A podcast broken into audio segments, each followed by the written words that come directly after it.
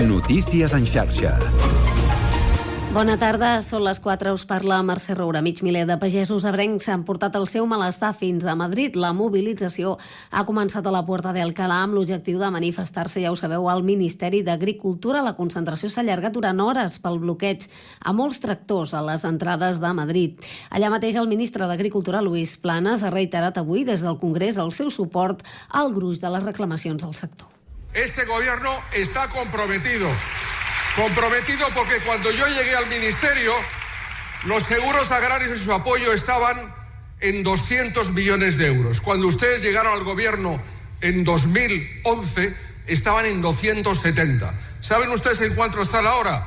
En 284,5 millones de euros para este año, para apoyar a agricultores y ganaderos. Y nadie nos va a parar. Durant la sessió de control, el govern espanyol Planes també ha retret al PP que s'erigeixi ara en defensor de les demandes dels agricultors quan en el seu moment no va donar suport a la llei de la cadena alimentària, que era una de les reivindicacions del sector. I anem ara a Badalona. Els veïns del número 5 del carrer Canigó han hagut d'abandonar casa seva aquest mateix matí, com us hem anat explicant, però poc després de començar la inspecció especialitzada contractada d'urgència per l'Ajuntament. El primer tinent d'alcalde de territori de l'Ajuntament de Badalona, Dani Gràcia, admet que la situació al carrer Canigó és preocupant. Però a l'haver rebut aquest avís, la primera que hem fet és el número 5, amb bombers i amb el tècnic municipal. Ara mateix no descartem cap escenari i, per tant, anirem bloc a bloc, es formaran tres equips de, per part de l'empresa i intentarem anar el més ràpid possible en aquestes inspeccions a tota la manzana.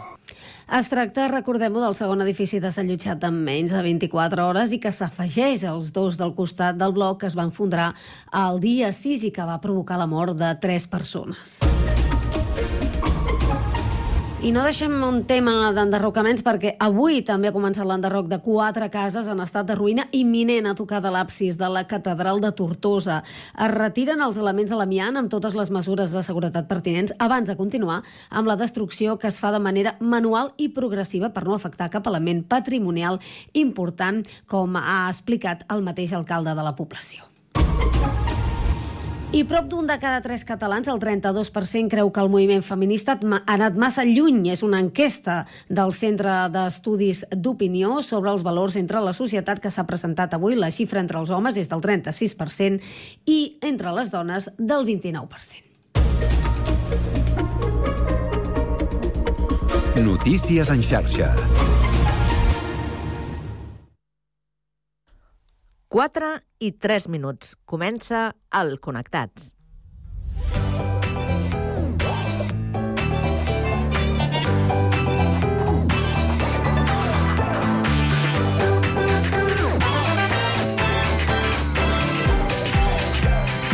Connectats amb Carme Reverta.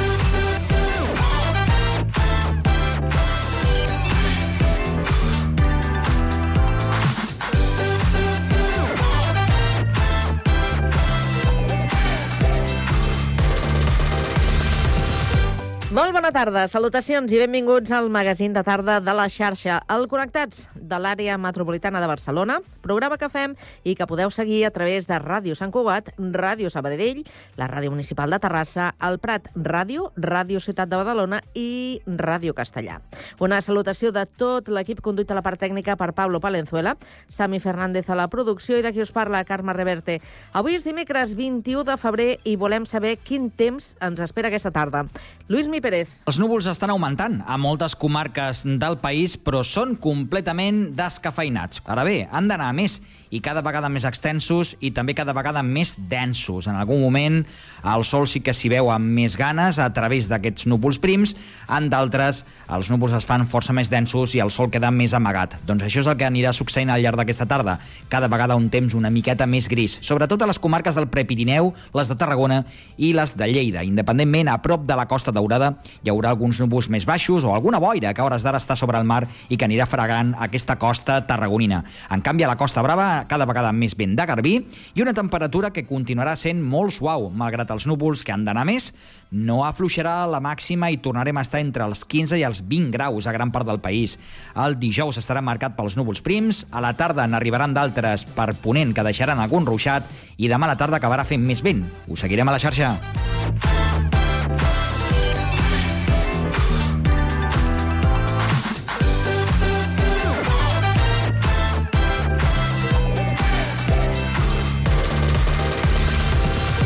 Bé, doncs avui al Connectats ens preguntarem pels errors del xat GPT. És o no infal·lible? Li preguntarem a Josep Curto Díaz, professor dels Estudis d'Informàtica, Multimèdia i Telecomunicació de la UOC. Acabarem aquesta primera hora amb la tertúlia generalista. Avui analitzarem la venda de l'Iris per a canvi de criptomonedes i també parlarem d'algunes iniciatives insòlites com a font d'ingressos per a l'Església.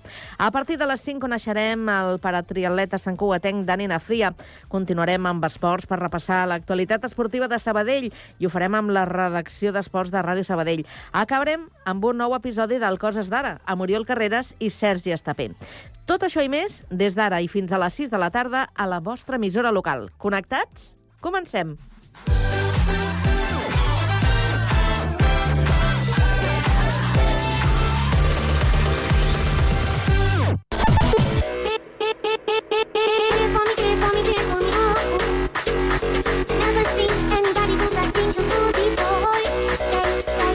Connectats, una experiència radiofònica a Sabadell, Terrassa, Sant Cugat, El Prat, Castellà i Badalona.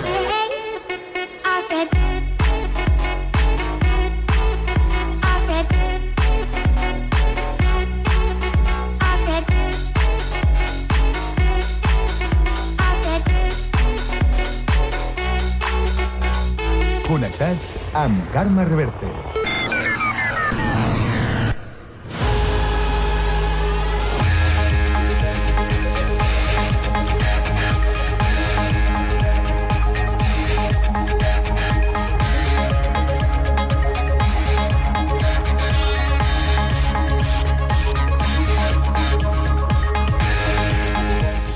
Les 4 i 7 minuts ens posem al dia, ho fem amb la ronda d'actualitat, que avui també iniciarem per Terrassa. Sergi Estapé, bona tarda. Bona tarda. El projecte Biblioteca Accessible, Inclusiva i Sostenible de la BCT Xarxa participarà a la tercera edició de The Europe Challenge, Biblioteques, Comunitats i Democràcia.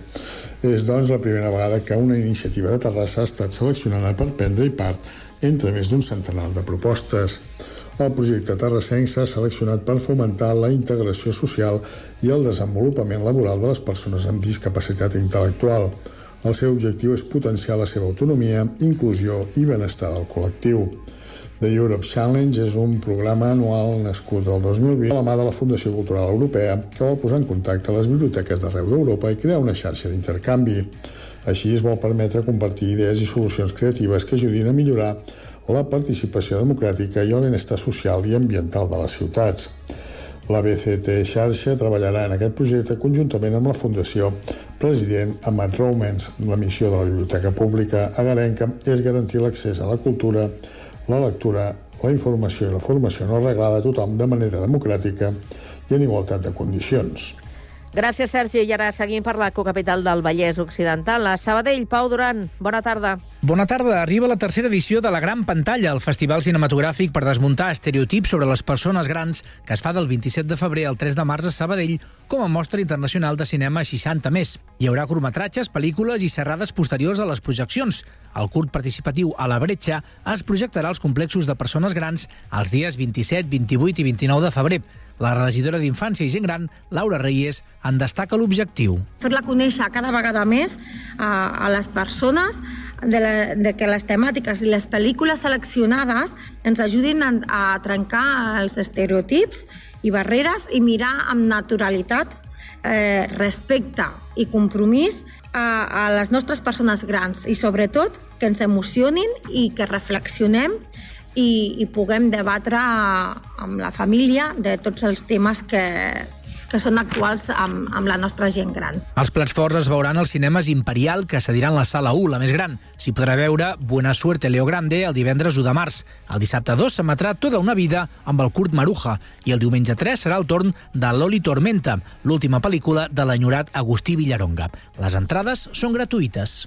Gràcies, Pau. Anem ara fins al litoral. Des de Badalona ens informa Santiago Espasa. Bona tarda. Bona tarda, Carme. Doncs han sigut desallotjats de forma indefinida els veïns del bloc 5 del carrer del Canigó per l'aparició d'unes esquerdes que el cos de bombers qualifica de preocupants als baixos de l'edifici. De fet, aquest migdia s'han portat a terme les tasques d'apuntalament de l'immoble. Aquestes esquerdes són contigües a les parets mitjaneres. És per aquest motiu que han decidit evacuar-los, perquè, diuen, podria suposar risc d'esfondrament de la finca.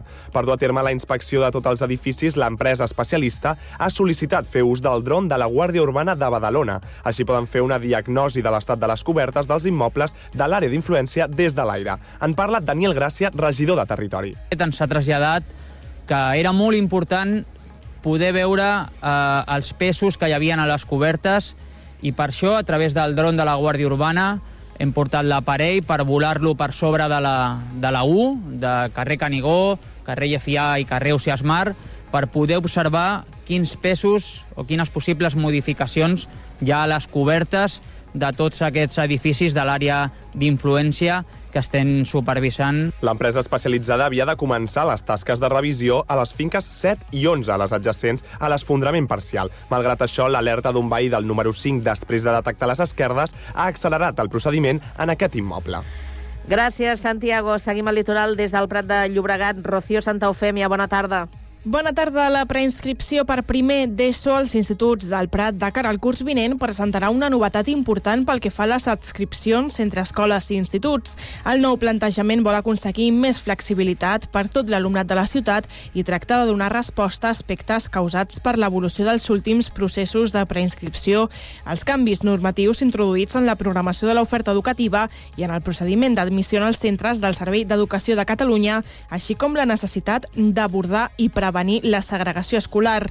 Ho explica el cap del Departament d'Educació de l'Ajuntament del Prat, Joan Carles Navarro. La ciutat ha anat creixent, diguem-ne, en grups de primària de manera eh, irregular, en el sentit de que el que no s'ha fet és construir una escola nova, sinó que el que s'ha anat fent és incorporant grups en diferents escoles al llarg del temps, i això va variant cada any. Per tant, l'oferta ja era bona, el que no acabava de quadrar era la possibilitat d'assegurar l'inscripció a tothom. La transició de primària a secundària és un moment important tant pel jovent com per les seves famílies.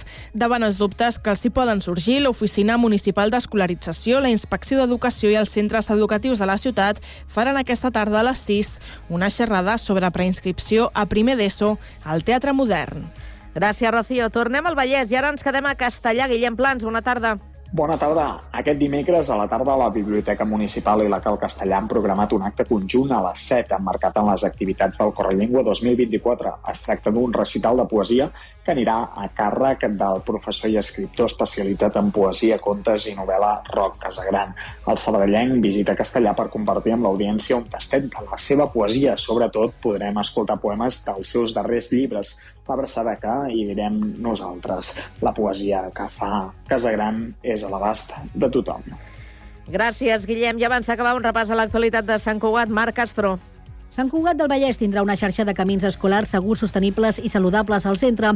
La iniciativa, sorgida dels pressupostos participatius, ha comptat amb la implicació de 14 centres educatius del municipi i la coordinadora d'AFA, que han fet una diagnosi dels punts negres de la xarxa i dels aspectes a millorar.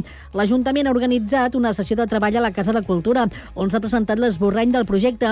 Serà el punt de partida d'un camí que veurà l'inici d'obres a partir de 2025, amb un pressupost de 450.000 euros. Escoltem el regidor de Participació Participació, Francesc Duc. Doncs aquestes rutes segures doncs, que ens han de permetre no només anar als centres escolars, sinó quan sortim dels centres escolars poder anar a la biblioteca, a la piscina, als equipaments o a les, als parcs, els nombrosos parcs que té Sant Cugat, que molts cops doncs, són punts de trobada de, de quan se surten de les escoles. No? Per tant, al cap i a la fi, doncs, tots aquests projectes, doncs, això que dèiem, és una millora no només pels infants, sinó és una millora per la ciutat i per fer una ciutat més amable per tothom.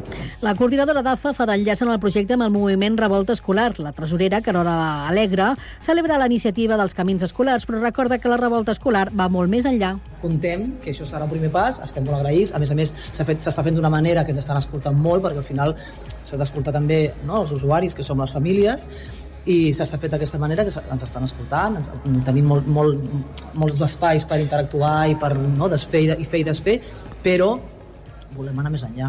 Quan s'acabi això, que no sé quan s'acabarà, suposo que anirà per llarg, eh, seguirem amb la revolta escolar, amb la pacificació dels entorns. El procés participatiu neix de la unificació dels projectes dels antics consells de barri del centre est, oest i nucli antic per millorar aquesta important xarxa de comunicació.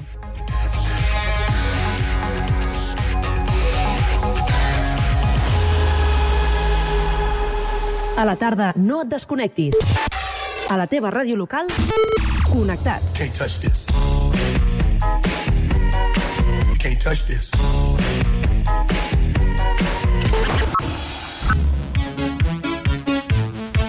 Can't touch this. Can't touch this. Connectats amb Carme Rebell.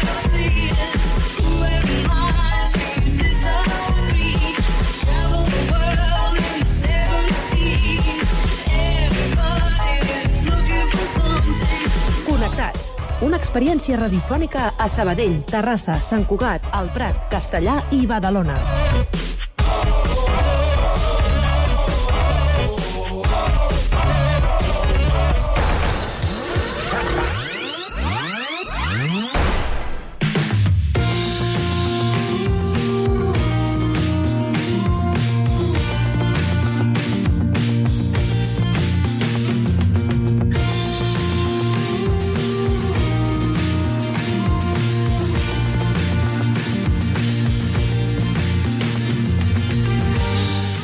L'eina d'intel·ligència artificial generativa, el xat eh, GPT, que va aparèixer a finals del 2022, ja l'utilitza gran part de la població, però també hem de dir que un dels motius pels quals el seu ús no s'ha popularitzat més és perquè part dels internautes no es fien de la informació que l'eina proporciona. Avui en parlem i ho fem amb Josep Cortó, professor dels Estudis d'Informàtica, Multimèdia i Telecomunicació. Molt bona tarda. Hola, bona tarda. És Bona- un plaer estar amb vosaltres. Gràcies, bona tarda. També saludem el nostre company Santiago Espasa, que es troba als estudis de Ràdio Ciutat de Badalona. Bona tarda, Santiago. Bona tarda, Carme. Bé, doncs li preguntem al eh, professor què vol dir que sigui una eina d'intel·ligència artificial generativa. A grans trets, què, què significa això? Bàsicament, que utilitza la probabilitat per crear la resposta a la nostra pregunta. És a dir, nosaltres fem, per exemple, qui va ser el descobridor d'Amèrica i aleshores utilitzarà la probabilitat a partir de la navegació de totes les dades que s'han utilitzat per entrenar per generar la resposta adequada. Uh -huh. I quin és el percentatge de persones que utilitzen aquesta eina actualment? La veritat és que el percentatge podria ser molt més elevat, però com tu bé comentaves, no tothom es fia del que, de, la, de la tipologia de respostes que dona. És a dir, en funció del país canvia molt. Hi ha països que hi ha una, una adopció més del 50%, hi ha, opció, hi ha països que encara estem en percentatges del 20 o del, fins i tot del 10%. És a dir, varia molt d'una zona a una altra. Uh -huh. I mm, es tracta d'una eina que, que la població fa servir en el seu dia a dia? La veritat és que ens estem trobant que cada cop més, per la gran utilitat que tenen aquests sistemes, perquè són sistemes que et permeten fer moltes coses. Des de generar una resposta, des de proporcionar-te el resum d'un text o d'un llibre, el ajudar-te a fer una plantilla d'una sèrie de tasques. Per tant, moltes persones estan trobant que són mecanismes que augmenten la seva productivitat. Per tant, ens trobem en, des d'un oficinista fins a un expert en màrqueting que van adoptant de mica en mica aquest tipus d'eina perquè inicialment accelera les seves tasques que són habituals. Mm. Clar, jo, Josep, et volia preguntar, has parlat de totes aquestes coses perquè eh, la gent utilitza aquesta eina, però llavors per què molts internautes diuen que no es fien? Perquè el que està passant és que estem descobrint que aquestes eines, per definició, s'inventen. És a dir, en realitat és... Saps aquesta, aquesta... No sé si heu vist aquest vídeo de YouTube que es diu Everything is a remix. Per tant, el que fan és, a partir del contingut amb el qual han sigut entrenat, que fan és creen una nova resposta. Però aquesta resposta, a vegades, és molt més fidedigna i d'altres vegades ho és menys. És a dir, hi ha una sèrie d'errors inherents al sistema en el qual poden, per exemple, combinar fets que no tenen res a veure, crear fets o respostes que no són exactament la realitat i fins i tot anar-se'n per les rames completament i afegir eh, biaixos i respostes que se, sort, se surten del to que hauríem d'esperar per una resposta. I el problema que tenim és que si tu no ets un expert per identificar aquests errors, probablement el que passarà és que no seràs capaç de d'identificar que hi ha aquests problemes i ho donaries per una resposta correcta. I per això, a mesura que anem coneixent que hi ha aquests errors sistèmics dins els sistemes d'intel·ligència artificial generatius, cada cop hi ha més gent que és bastant reticent d'adoptar-los i d'utilitzar-los en el seu dia a dia. Perquè tu ens sabries dir quins són aquests errors més comuns? Algun exemple?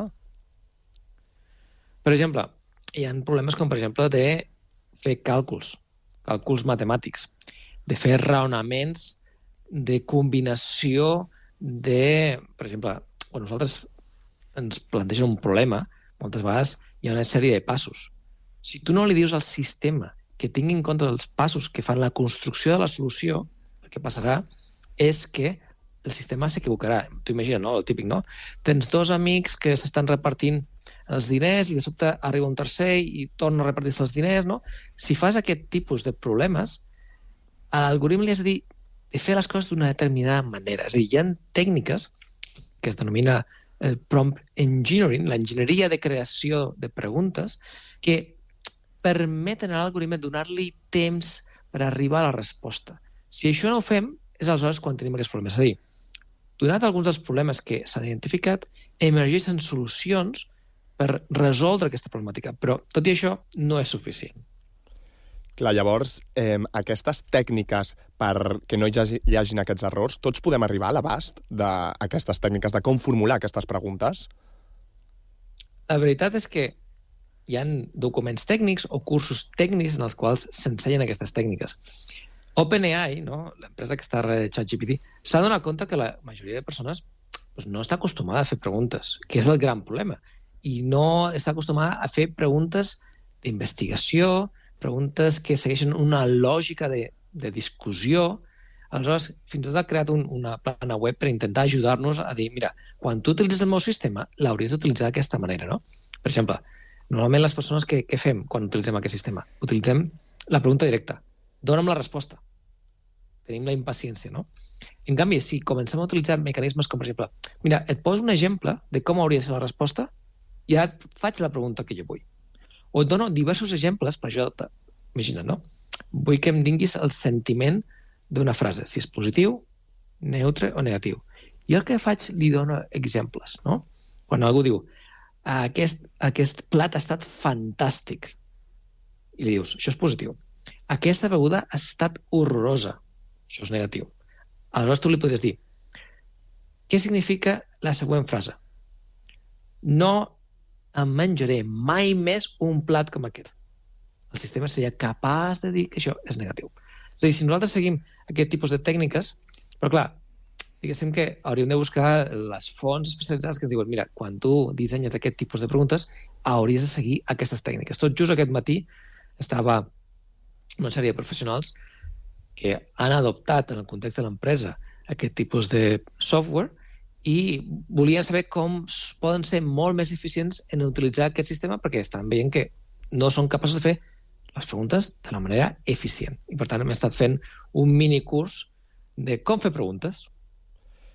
Llavors, o sigui, tu m'has dit que hem d'ensenyar a aquesta plataforma perquè ens respongui. Llavors, podries dir que si tu l'ensenyes, ChatGPT podria respondre a tota classe de preguntes? La resposta és no, perquè la limitació de respondre les preguntes ve amb el domini, amb el conjunt de dades que hem utilitzat per entrar al sistema. Pensa que el xat GPT que és obert pel consumidor està limitat al 2021. Això què vol dir? Preguntes que van més enllà del 2021 no té ni idea. Per tant, no les respondrà. Preguntes d'un domini que no hagi estat entrenat, tampoc podrà fer-ho. Si tu vas a, a la part de pagament, sí que han extès eh, la, fins quin moment estava entrenat, o altres dominis. Per tant, la, diguéssim, la limitació original és les dades amb les quals s'ha utilitzat. Si nosaltres no tenim dades registrades, el sistema és impossible que respongui. Però saps què passarà? Si nosaltres fem una pregunta respecte a un domini que no coneix, no et preocupis. El sistema està dissenyat per donar respostes. Per tant, te les donarà. Se les inventarà completament. No tindrà cap problema. Llavors, aquestes limitacions, de cara a un futur, creus que podrien millorar? És a dir, que hi hagi menys limitacions o que fins i tot puguin desaparèixer? Perquè jo crec que estem parlant una mica de l'inici de la intel·ligència artificial, no? El que, hem de comentar, el que vull comentar és que aquest sistema, de manera inherent, per construcció, sempre tindrà alguns d'aquests errors. Per què? Perquè és generatiu, perquè està fonamentat en probabilitat, perquè eh, busquem que no sigui la resposta perfecta perquè si no, no es podria adaptar a noves dades. Per tant, part de les problemàtiques que estem discutint sempre estaran allí. Hi ha mecanismes que s'estan utilitzant per intentar minimitzar la quantitat d'errors, minimitzar la quantitat de problemes que genera. Però per defecte poden estar sempre allà. Aleshores, què succeeix?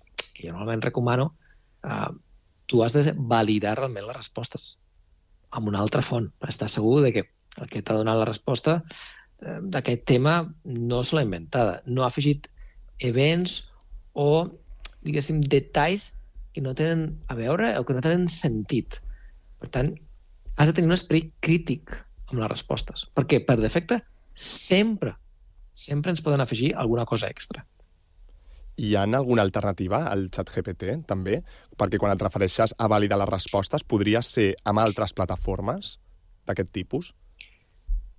Mira, ha, és una bona pregunta perquè és un, és un camp d'investigació obert. Mira, un dels enfocs que estan fent és dir, en lloc de tenir un, un xat GPT que és capaç de controlar molts de dominis, fer fer un més petit amb un domini especialitzat. És a dir, per tant, que les respostes no se'n vagin, no puguin saltar altres. Per exemple, si, o sigui, parles de màrqueting, només estigui en màrqueting. O parles d'esports, de futbol, estigui només en, en futbol. I no se'n vagi, per exemple, a combinar esgrima, perquè no salti en altres situacions i s'inventi un jugador de futbol que té el nom d'un expert en esgrima. Aquest és un mecanisme, és a dir, fer mm, sistemes molt més petits, molt més acotats. I després estan investigant noves tècniques que van en altres direccions per intentar donar la resposta, afegint més mecanismes de... bueno, deixem que salti un moment a simbolisme, no? és a dir, que el coneixement està codificat dins el, el sistema i no només es fonamenta en extreure els patrons de les dades per respondre a les preguntes. I aquestes alternatives eh, són més fiables que el xat GPT?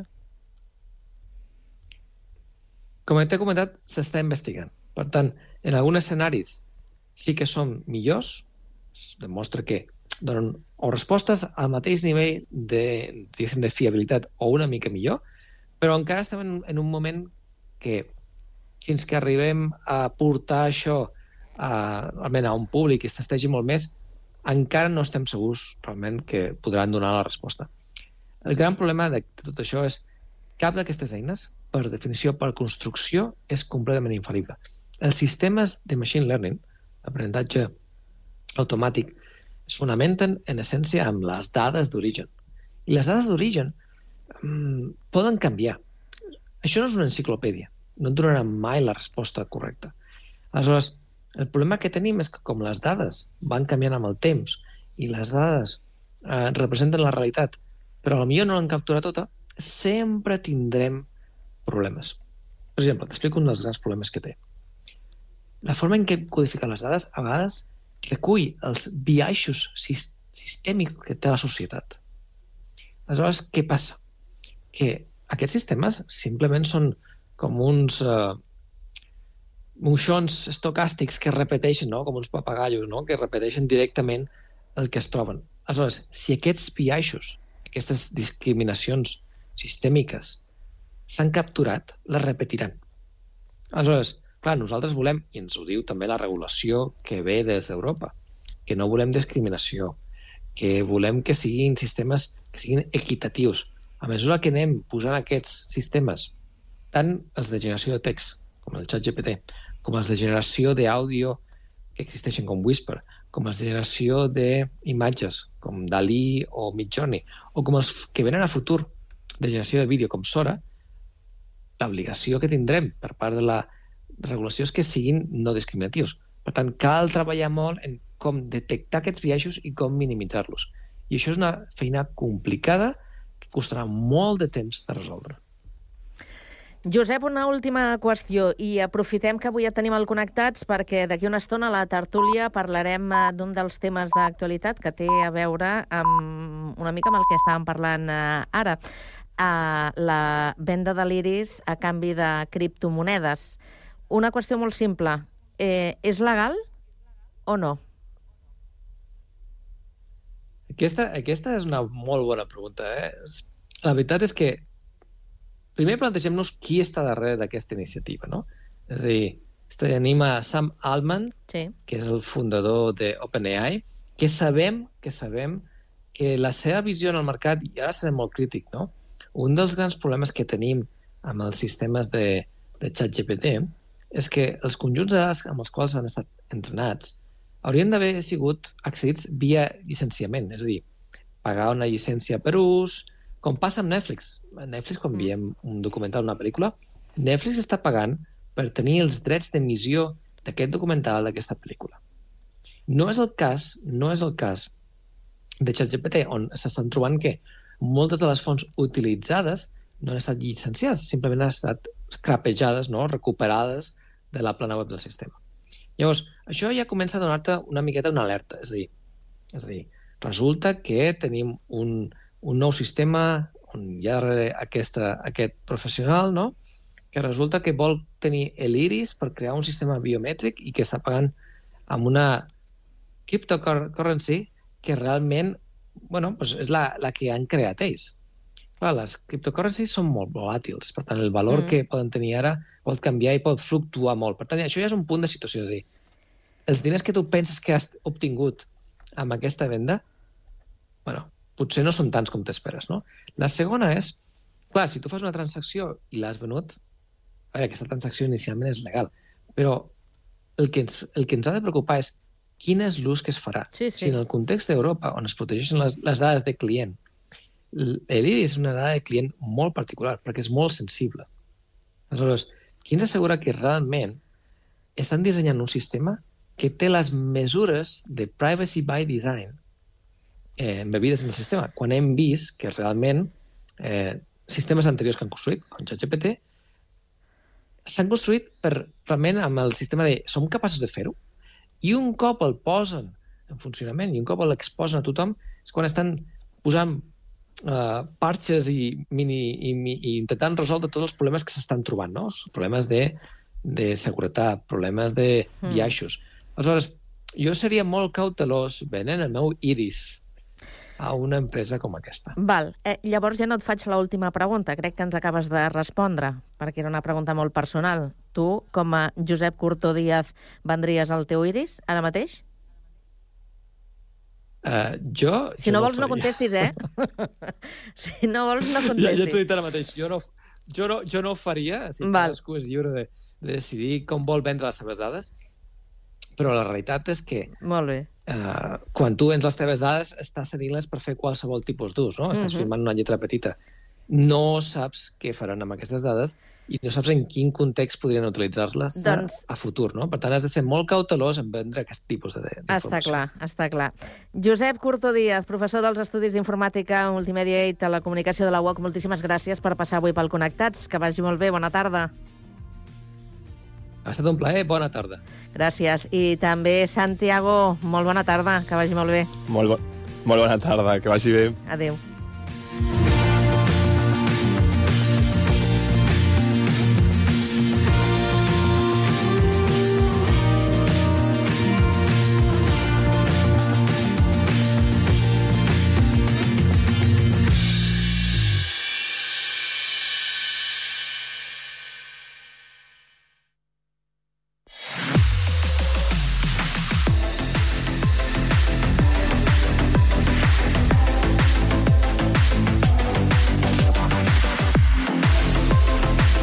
Passen 4 minuts, avui arribem una mica tard a la tertúlia, però anem a presentar ràpidament els tertulians. En Jordi Gili, president d'honor d'Amics del Prat i president d'Amics de la Sardana. Bona tarda.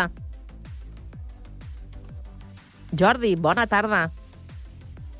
Tarda. Ai, ara sí. Sí, ara- ara- Perfecte. ara sí. Molt Ara bé. També saludem a l'Antònia Pérez, eh, directora de l'Escola Municipal de Persones Adultes de Castellà del Vallès. Antònia, bona tarda. Hola, bona tarda, Carme. I a Badalona, no sé si ja tenim a punt el Manel Esteban, que és coach empresarial, sí? Sí? Sí, aquí estic amb vosaltres, encantat d'estar-hi de nou. bé, molt bé, Eh, és molt que bé. estava sentint ara l'entrevista que teníeu i, clar, hem fet el canvi entre el Santiago i jo, sí. no? i aleshores hem quedat una mica re, re, re, re, relegats, no? Però ja estic aquí amb vosaltres i esperem que tinguem una tertúlia molt agraïda. Perfecte. Molt, molt entranyable. Doncs uh, jo no sé si heu escoltat sobretot al final de l'entrevista, quan li hem preguntat directament al eh, professor si ell, eh, perquè avui parlarem uh, de la venda de l'iris a canvi de criptomonedes, que és un tema, diríem que molt sensible. Eh, jo li he preguntat directament si ell ho faria. No sé si heu escoltat la resposta, en qualsevol cas. Jo us ho pregunto també a vosaltres.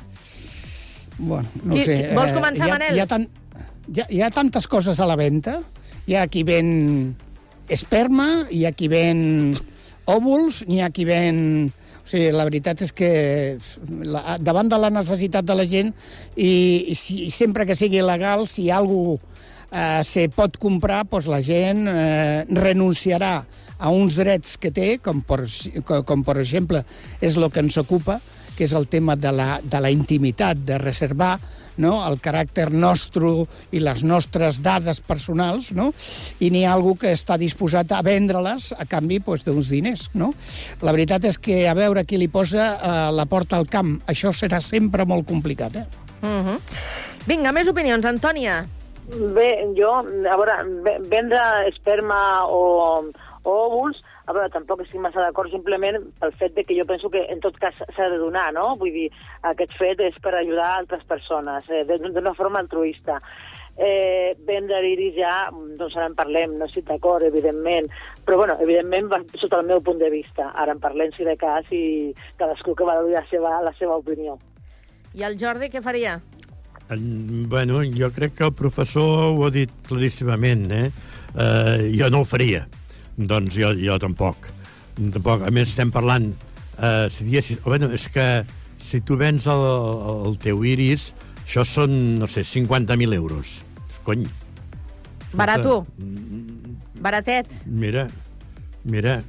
Però, és clar, eh, per, per lo que he vist en, en la notícia que ens heu enviat, eh, la quantitat tampoc no no n'hi ha ni per un sopar una miqueta una miqueta esplèndid. Què vols que et digui? No, sincerament, no, no, no, no, no, no ho faria. Mm. De totes maneres, és, és, no, amb això que comentàveu abans, de que si eh, els òvuls, l'esperma, etc etc. cal recordar que fa molts anys enrere, i probablement en alguns llocs encara s'estigui fent, eh, hi havia molta gent que venia plasma, que, que venia, Mhm.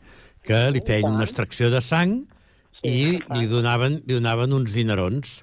Mhm. Eh, generalment venien aquesta sang doncs, per pura necessitat, perquè si treien aquests calarons, a part Però d'un això serà entrepà i un... exactament el mateix. Eh? Això serà exactament el mateix. El que passarà amb el, amb el tema aquest de l'iris serà exactament el mateix. Mentre hi hagi gent que estigui necessitada i la llei ho permeti, doncs aleshores hi haurà, igual que estem dient los que estem, els tertulians que estem aquí, que nosaltres no ho faríem, no? però hi haurà molta gent que, per desgràcia, davant d'una necessitat, doncs es vendran el que sigui Però necessari. has posat Clar, el dit a la nafra, Manel, perquè el tema és la llei ho permet o no ho permet? Perquè tampoc no hi ha una resposta Ah, no, clara. Acaba, acaba, acabem, acabem amb el tema, o sigui, si la llei no lo permet, no lo permet. Però el que passa, el que passa és com el tema de les, com el d'allò, eh, les embarassos eh, subrogats, com es diu això dels embarassos subrogats? Sí, sí, sí, sí. Mares de- de lloguer? Estan, Exactament, o sigui, a veure, Ventes aquí està prohibit, en Europa estan prohibit, però als Estats Units estan permesos, etc etc. O sigui, a veure, al final, eh, si n'hi ha puestos que sí i altres puestos que no, doncs aleshores la gent exactament passarà exactament el mateix. O sigui, anirà la gent però jo- allà jo on penso- estigui permès. penso que encara hi ha, hi ha un, una, una qüestió que és més greu, que ara um, eh, és impossible, més que res, controlar tot el que està passant. Eh, és la, la tecnologia, la, la, les noves tecnologies van a un a 100 vegades més ràpides que nosaltres. Vull dir, això que significa mm -hmm. que les lleis van eh, bueno, a pas de tortuga, més que res, perquè no, ten, no tenim ni pressupostos ni, ni res, no? Vull dir que anem, anem, anem com anem. Això el que significa, evidentment, és que bon, aquesta gent està doncs, per davant nostra com 40 vegades. I a part d'això, uh -huh. vull dir, jo no sé si estic d'acord en que hi ha gent que, que, que ho necessita i que, i que, mira, finalment hi ha gent que fins i tot pot vendre un, un ronyó, no? Em sembla, no recordo alguna cosa d'un futbolista no fa tant de temps, no? Alguna Sí, sí, sí, història sí, sí. haver aquí al darrere. Sí, sí. Eh? eh, vull dir que, eh, a veure, que per vendre podem vendre el que, el que, el que puguem, no?, d'alguna manera, però sí que és veritat que jo penso que la gent que, que, que avui eh, i, a tot, i aquesta setmana estava venint el seu iris, no, primer, no tenen ni idea de, de quines, eh, quina, amb quines finalitats. Jo penso que no està mm, gaire ben explicat. No, no està explicat, no està no, explicat. No, ningú, ningú sap eh, què, què faran amb, aqu amb, aquesta, amb aquesta base de dades que estan formant. Després, mm, hi havia gent jove, però hi havia gent gran també, que dius, ostres, mira, doncs he guanyat, eh, eh, com que m'han donat cripto, criptomonedes, he guanyat en dos o tres dies, eh, doncs eh, he doblat el, el que van donar, de 30 a 100 i pico, o ho he, ho he triplicat. Clar, eh, t'estan donant uns diners, a més a més, criptomonedes d'aquesta empresa que, per cert, està, eh, ho està petant ara mateix en, en, aquest, en aquest terreny de les criptomonedes. Vull dir que tot això comença a ser una mica desbordant, jo penso, que per tots nosaltres que estem ara mateix eh, com, com, a, com, a, com, bueno, com, com a infants aterrant en aquest món del xat GPT, de les noves tecnologies aquestes que estan, eh, bueno, de la intel·ligència artificial que, que va per davant nostra, doncs, doncs jo que sé, un, un segle. No, no Però, va per davant nostra, maneres- la, la, nostra, la nostra manera d'assimilar-lo. O sigui, eh, això el que ens costa és assimilar-ho. I, a més, a més eh, lligat amb el que, el que acabes de dir, que eh, la llei va molt més enredarida. No es poden legislar d'una manera tan ràpida com la tecnologia es belluga. No? Però, eh, però teòricament, teòricament, se té que legislar i per suposat, i per suposat, la part eh, d'evolució nostra també té que anar canviant, o sigui, per bé i per malament. O sigui, les coses abans eren d'una determinada manera i ara, Sí, sí. bueno, ara qui, qui dirà que pot... Eh, o sigui, si, si les bienaventurances de Jesucrist fossin ara, dirien benaventurat aquell que no, pot, no necessita mòbil perquè d'ell serà el regne dels cels, no? O sigui, clar, o sigui, les benaventurances serien totalment distintes, no? I, i, i bueno, i els tenim que acostumar a la, Però, Manel, la a, Digues, digues, a, a banda del que estàs comentant, el tema no és únicament assimilar-ho, és entendre quin és el problema, que no tenim ni idea, la població normal no sap el, el, el, ni com funciona, ni per a què serveix, ni, ni, ni què, què estem fent. Com que no ho sabem, eh, estem en un terreny que potser ens estem posant en un fangar. Eh... Això està passant en el xat eh, GTP. En el xat GTP, hasta los més, hasta los més doctors en les matèries no saben per on pot acabar això. O sigui, de moment hi ha alguns que diuen tirem, en, eh, tirem tot dret i altres diuen anem en compte. No? Cada un està fent no? un plantejament distint que ja veurem on sortim, però, bueno, doctores tiene la iglesia, no? I veurem si això... Sí, després això en parlarem de no és- l'església. Exactament. No, no, no, no. no sabem si realment això serà per bé o per malament. No? El Jordi volia apuntar alguna cosa. Vinga, Jordi. Sí, no, no, aviam, eh, jo disculpareu la meva ignorància, però eh, penso, eh, aviam, això un cop eh, has venut aquesta fotografia, per entendre'ns, ja està, no vas cada 15 dies a, a vendre-la una altra vegada. Pregunto, pregunto perquè no tinc ni punyetera idea. Però, però tu l'has venut a una una banda. empresa. L'has venut, l'has Eh? venut a una empresa, l'has venut a una empresa Bueno, sí. concreta. I aquesta Li empresa diu una- que només farà, només farà controlarà a ella i que no farà res i que no la vendrà a tercers. Vull dir que això és una cosa. Tu, tu, depèn de com surt una altra empresa, pots vendre a una altra empresa. Això Bueno, és que, sí. com que no, no queda clar, no sabem res de què, què és el que passarà amb això. Aquest és molt el bé. problema, no?, Molt, principal. molt bé, d'acord, d'acord. Tot això, tot això està molt bé. Però vull dir, ho pots vendre una vegada, sortiran dues, 10, 50, 60, 100 empreses, no ho sé. No Mhm. en tinc ni la més remota idea. Bastants més, eh, jo però- crec, Jordi. Bastants. Estem parlant de... de, de exponencialment, eh, això pot ser un descontrol.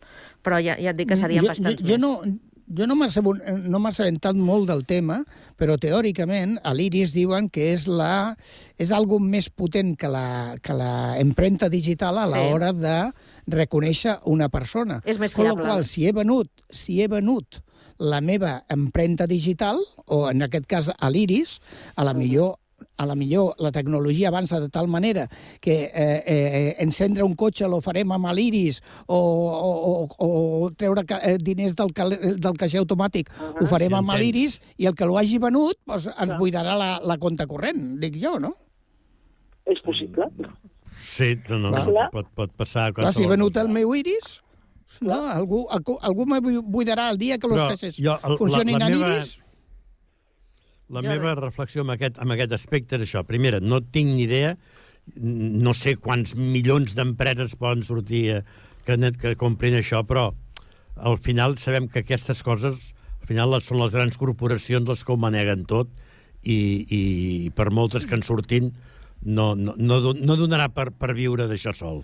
Això El per que, una està ben banda. clar, és, per... el que està ben clar és que estem entrant en, un, en, una, en una part fosca no? que realment els, els, els, les persones del carrer com nosaltres tindrem que veure com evoluciona això per saber si realment serà un avanç, algo que ens ajudarà en la vida, en el dia a dia, o realment serà un inconvenient de los molts que ja n'hi ha, no?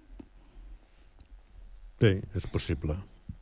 No, no, és possible. Uh, estic- per, per, per una altra banda, per una altra banda, uh, el, el tema de, de, del, del manejo de, d'aquesta de les criptomonedes, Uh -huh. ja, amb això entenc jo, que no en tinc la més remota idea, però entenc que és una miqueta com, com la borsa, no? Exacte. Si, si, Mhm. saps, si Sí. saps jugar-hi, saps ma, ho saps manejar, que diuen els valencians, doncs a lo millor pots fer però simplement posar-ho com una guardioleta i tal, al millor resulta que et penses que ens tens 30 i a, a, a la primera de canvi resulta que vas allà i no hi ha ni la... Ni, ni, És ni, fluctuant, efectivament. Sí. Sí, sí. Però, però Però, per el, tant, el això, tema és que gent- aquesta empresa actualment, la, que- la que ha fet, la que està fent això, sí que ha, ha pujat moltíssim en, aquest, en aquesta borsa, eh, concretament A la de el criptomonedes. buscava. Sí, Sí, i clar, demà, sí, i demà sí, pot eh? deixar de cop. Sí, sí, sí, tant, i tant, pot baixar, això està claríssim. Però a tu t'han a tu t'han donat, eh, ells el que fan és que et compren l'iris per criptomonedes de la seva empresa. Ah, llavors, Mhm. ara com que tothom s'està venent l'iris, o bueno, o hi ha molta gent, no tothom, per, Més Déu, de dos milions molta ja ho han fet, eh? Més de dos milions de Dos persones. Més de dos milions? A on? Clar. Aquí a A Espanya? on? No, Al a món? Espanya, dos A milions. Europa? Al món, o al al món, no? Jo, Al jo, món crec, parlem? jo crec que de moment és al món, eh? però tenen... Eh, a veure, estic intentant recuperar Eh, la, la, segur que, la dada. segur que, que nou-cents mil són per sota de los, de los 25 anys. Home, l'únic que sí que us puc dir és que dels eh, països on eh, han fet aquesta acció, Espanya és on sembla que millor resposta tenien. No sé si és que tenim més necessitats que en altres llocs, però... Um, Jo crec que no, no, el que no tenim és una consciència També. de realment on estem posant les nostres dades, no? I, i busquem, busquem simplement los 30 euros en criptomonedes i mira, això que sona molt modern, no? I la gent s'està s'està apuntant a un carro que no sap a on anirà, no? I a la millor un dia se poden empeneir d'haver- d'haver-ho fet. Bueno, de moment, los que no estem en aquest, eh, en aquest eh, fregau, pues, segur, segurament no ens tindrem que empeneir de res. no? Us dono Però, la- bueno, us dono la vol res. Al millor sí, al millor sí que ens haurem d'empenedir perquè lo millor sí. no el negoci del segle. Us dono la dada de l'objectiu eh, que té aquesta empresa que pretén arribar als 2.000 milions d'iris escanejats. Eh, jo, jo sé que ara mateix també tinc una dada que són eh, 2.000, de- 2.000 orba, òrbits d'aquests, que són aquests aparells que estan fent la, la captura de, de, de Ciris, Sí. i que s'han desplegat a 36 països, això també. Eh? Vull dir que, no, no sé, 200 milions d'iris, no s'imagina. Vull dir, res, vinga. És que jo, jo crec que... Lo que 2.000 milions. Lo que, lo que estan comprant són dades personals. L'Iris el que està és fotografiant a la gent perquè la gent mm, sigui identificada en qualsevol puesto del món d'una manera... O sigui, estarem supercontrolats. O sigui, si, ja, si tenim, si tenim una, un organisme que es diu l'Agència de Protecció de Dades i ja fa aigües per tot arreu perquè ens arriba publicitat de tota mena, de tot allò i tal, i no hi ha manera de protegir-nos, i a més, aquest, eh, aquest iris que, és, que, que, que lo diuen, això sí que ho diuen els experts, que és la manera, la manera que s'està evolucionant a l'empremta digital. L'empremta digital es va inventar ja fa més de 100 anys, no? ha donat un resultat determinat que ha valgut per molt, per resoldre molts problemes, però realment el que identifica a una persona o el que no varia dintre d'una persona no? és l'iris que té, no? i l'iris aquest és la identificació d'una persona, amb la qual el que ven per 30 euros les seves dades és pos molt possible que el dia de demà no sé, se pugui, se tingui que, Bueno, que d'haver-ho no sé, fet, però... No sé si, si us en recordeu les pel·lícules, no? Vull dir que això fa, és com a ciència-ficció, no?, de fa uns anys, la ciència-ficció de fa uns anys, no? Eh? La gent que es posava davant d'una coseta i llavors podia entrar a través de la, de, de la mirilla, de l'ull, no?, i podia entrar a qualsevol lloc i padadim, padatant. Doncs, bueno, eh, ara ja és realitat, no? I La, la realitat sempre, sempre Supera. supera la ficció. Doncs espereu perquè ara ve una altra de realitat, eh? Ara ve Vinga, una va. altra de realitat que aquí encara jo crec que no s'ha vist, no sé si arribarà, eh, perquè tampoc eh, no sé si eh, l'Església al Regne Unit i l'Església espanyola poden tenir els mateixos, els mateixos problemes. Home, no, aquesta no, no ho sabem. L no. Converteixen a- al Regne Unit i, i ja fa un temps que ho fan i no és una única vegada que s'ha fet. Catedrals eh, i esglésies convertides en discoteques silencioses. Per què ho fan? Mm. Doncs per recaptar diners. Mira, us he de dir que l'última que van fer a, a la catedral de Canterbury van participar Mm. 3.000 persones, 30 euros l'entrada, Eh, és Sí. silenciosa perquè els eh, participants han de portar auriculars sense fils i venen alcohol i tot, eh?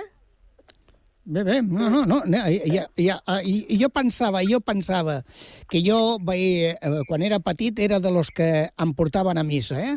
Uh, a missa ja tenies que anar buidat de casa. A veure, a les discoteques aquestes, sí. on se buida? Perquè en una iglesia no hi ha lavabos, eh? A veure, què, què fa la gent? Allà, al costat de la sacristia, o jo no sé, què, què Les farà aquí cabines, la gent, les no? cabines aquelles, els cleaning, no? Ah, les cabines. No ho oh, sé, sí, sí, no ho sé, clar, no, no ni no idea. omplin la iglesia de cabines, perquè ja em diràs, o sigui, en una iglesia no hi ha lavabos. Què farà tota aquesta gent prenent begudes i ballant no sé què, no sé quan, i li entrin ganes no, de mingitar i, bueno, i jo sí, què sé, aviam, allà al costat de la, de la una cosa. sacristia. Vinga, Jordi. Escolteu una cosa, aviam, si, si el gran problema fos únic i exclusivament el tema dels lavabos, hi ha una professió que es diu arquitectes, uns altres Mhm. que són paletes, uns altres que són lampistes que poden instal·lar 50.000 lavabos allà on faci falta. O sigui, el, el, el problema fonamental no és aquest. A part de que, en general, n'hi haurà més o n'hi haurà menys, però les esglésies, poc o molt, algun lavabo per una necessitat la, la tenen. Però el problema, el problema jo crec que no és, no és aquest. Uh, uh, Fixeu-vos que estem parlant de, de concerts, o sigui, una discoteca silenciosa, que vol dir que cadascú comparteix, tota la gent que allà comparteixen la mateixa música, però la consumeix ell i, Sí, sí. i, i, el, i el del costat també, però Té- no, no que hi ha... ser- Té no hi que ha ser digne de veure, eh? Això No. té que ser digne de veure Jo crec- jo milers crec de que- persones ballant sense sentir jo música. Crec que amb la te... no? Jo crec que amb les tecnologies actuals és, ha de ser exactament igual que amb aquest soroll aterridor de moltes discoteques, eh, l'única cosa que, que si no, no, que un moment no vols escoltar, et treus l'auricular o l'apagues o tal. Aquest, aquest és un tema. Pensem també que moltes vegades també interessa eh, posar més pa que formatge amb coses d'aquestes. No cal anar a Canterbury.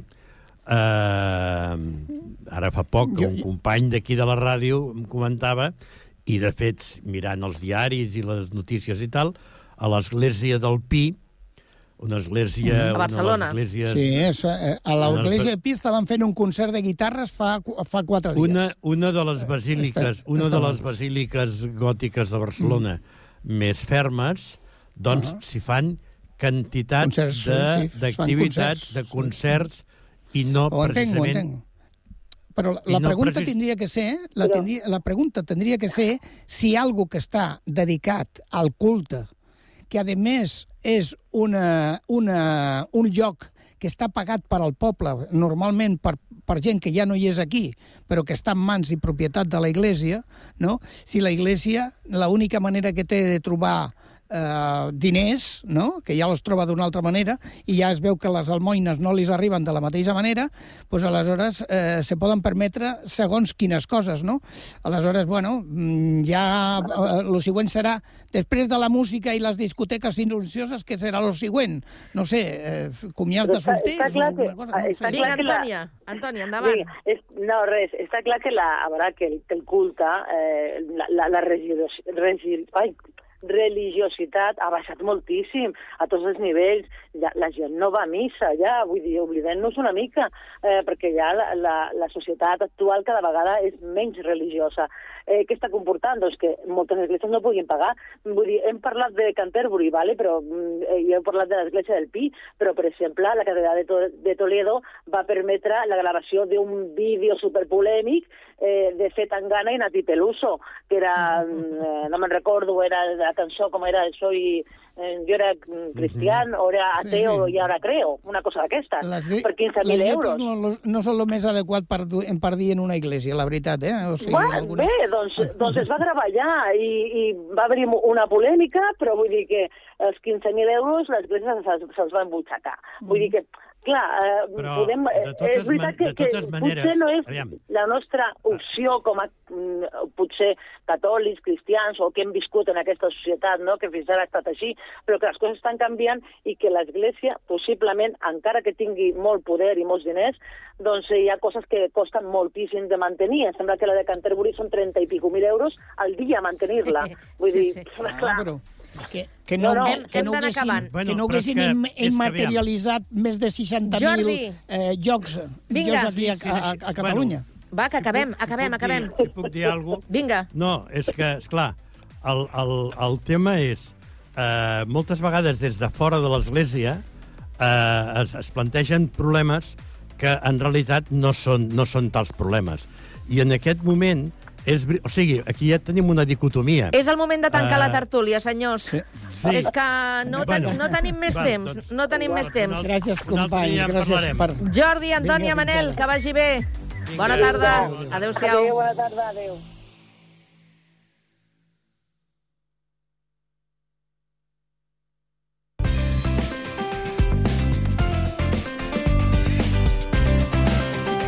Ràdio Sant Cugat, Cugat Mèdia, 91.5 FM. La música de tots els temps a Ràdio Sant Cugat. Sun in my eyes, navy blue skies. You are the reason I can survive. We'll turn off the phones to just be alone. We'll draw the curtains and never leave home. I had a nightmare. But now that I'm not scared, this is how you fall in love. Let go and I'll hold you up. So pull me tight and close your eyes. Oh, my love, side to side. What's easy is right. My mother's advice. You are the reason I never think twice. Wherever we go, what glitters is gold. You'll be my best friend until we grow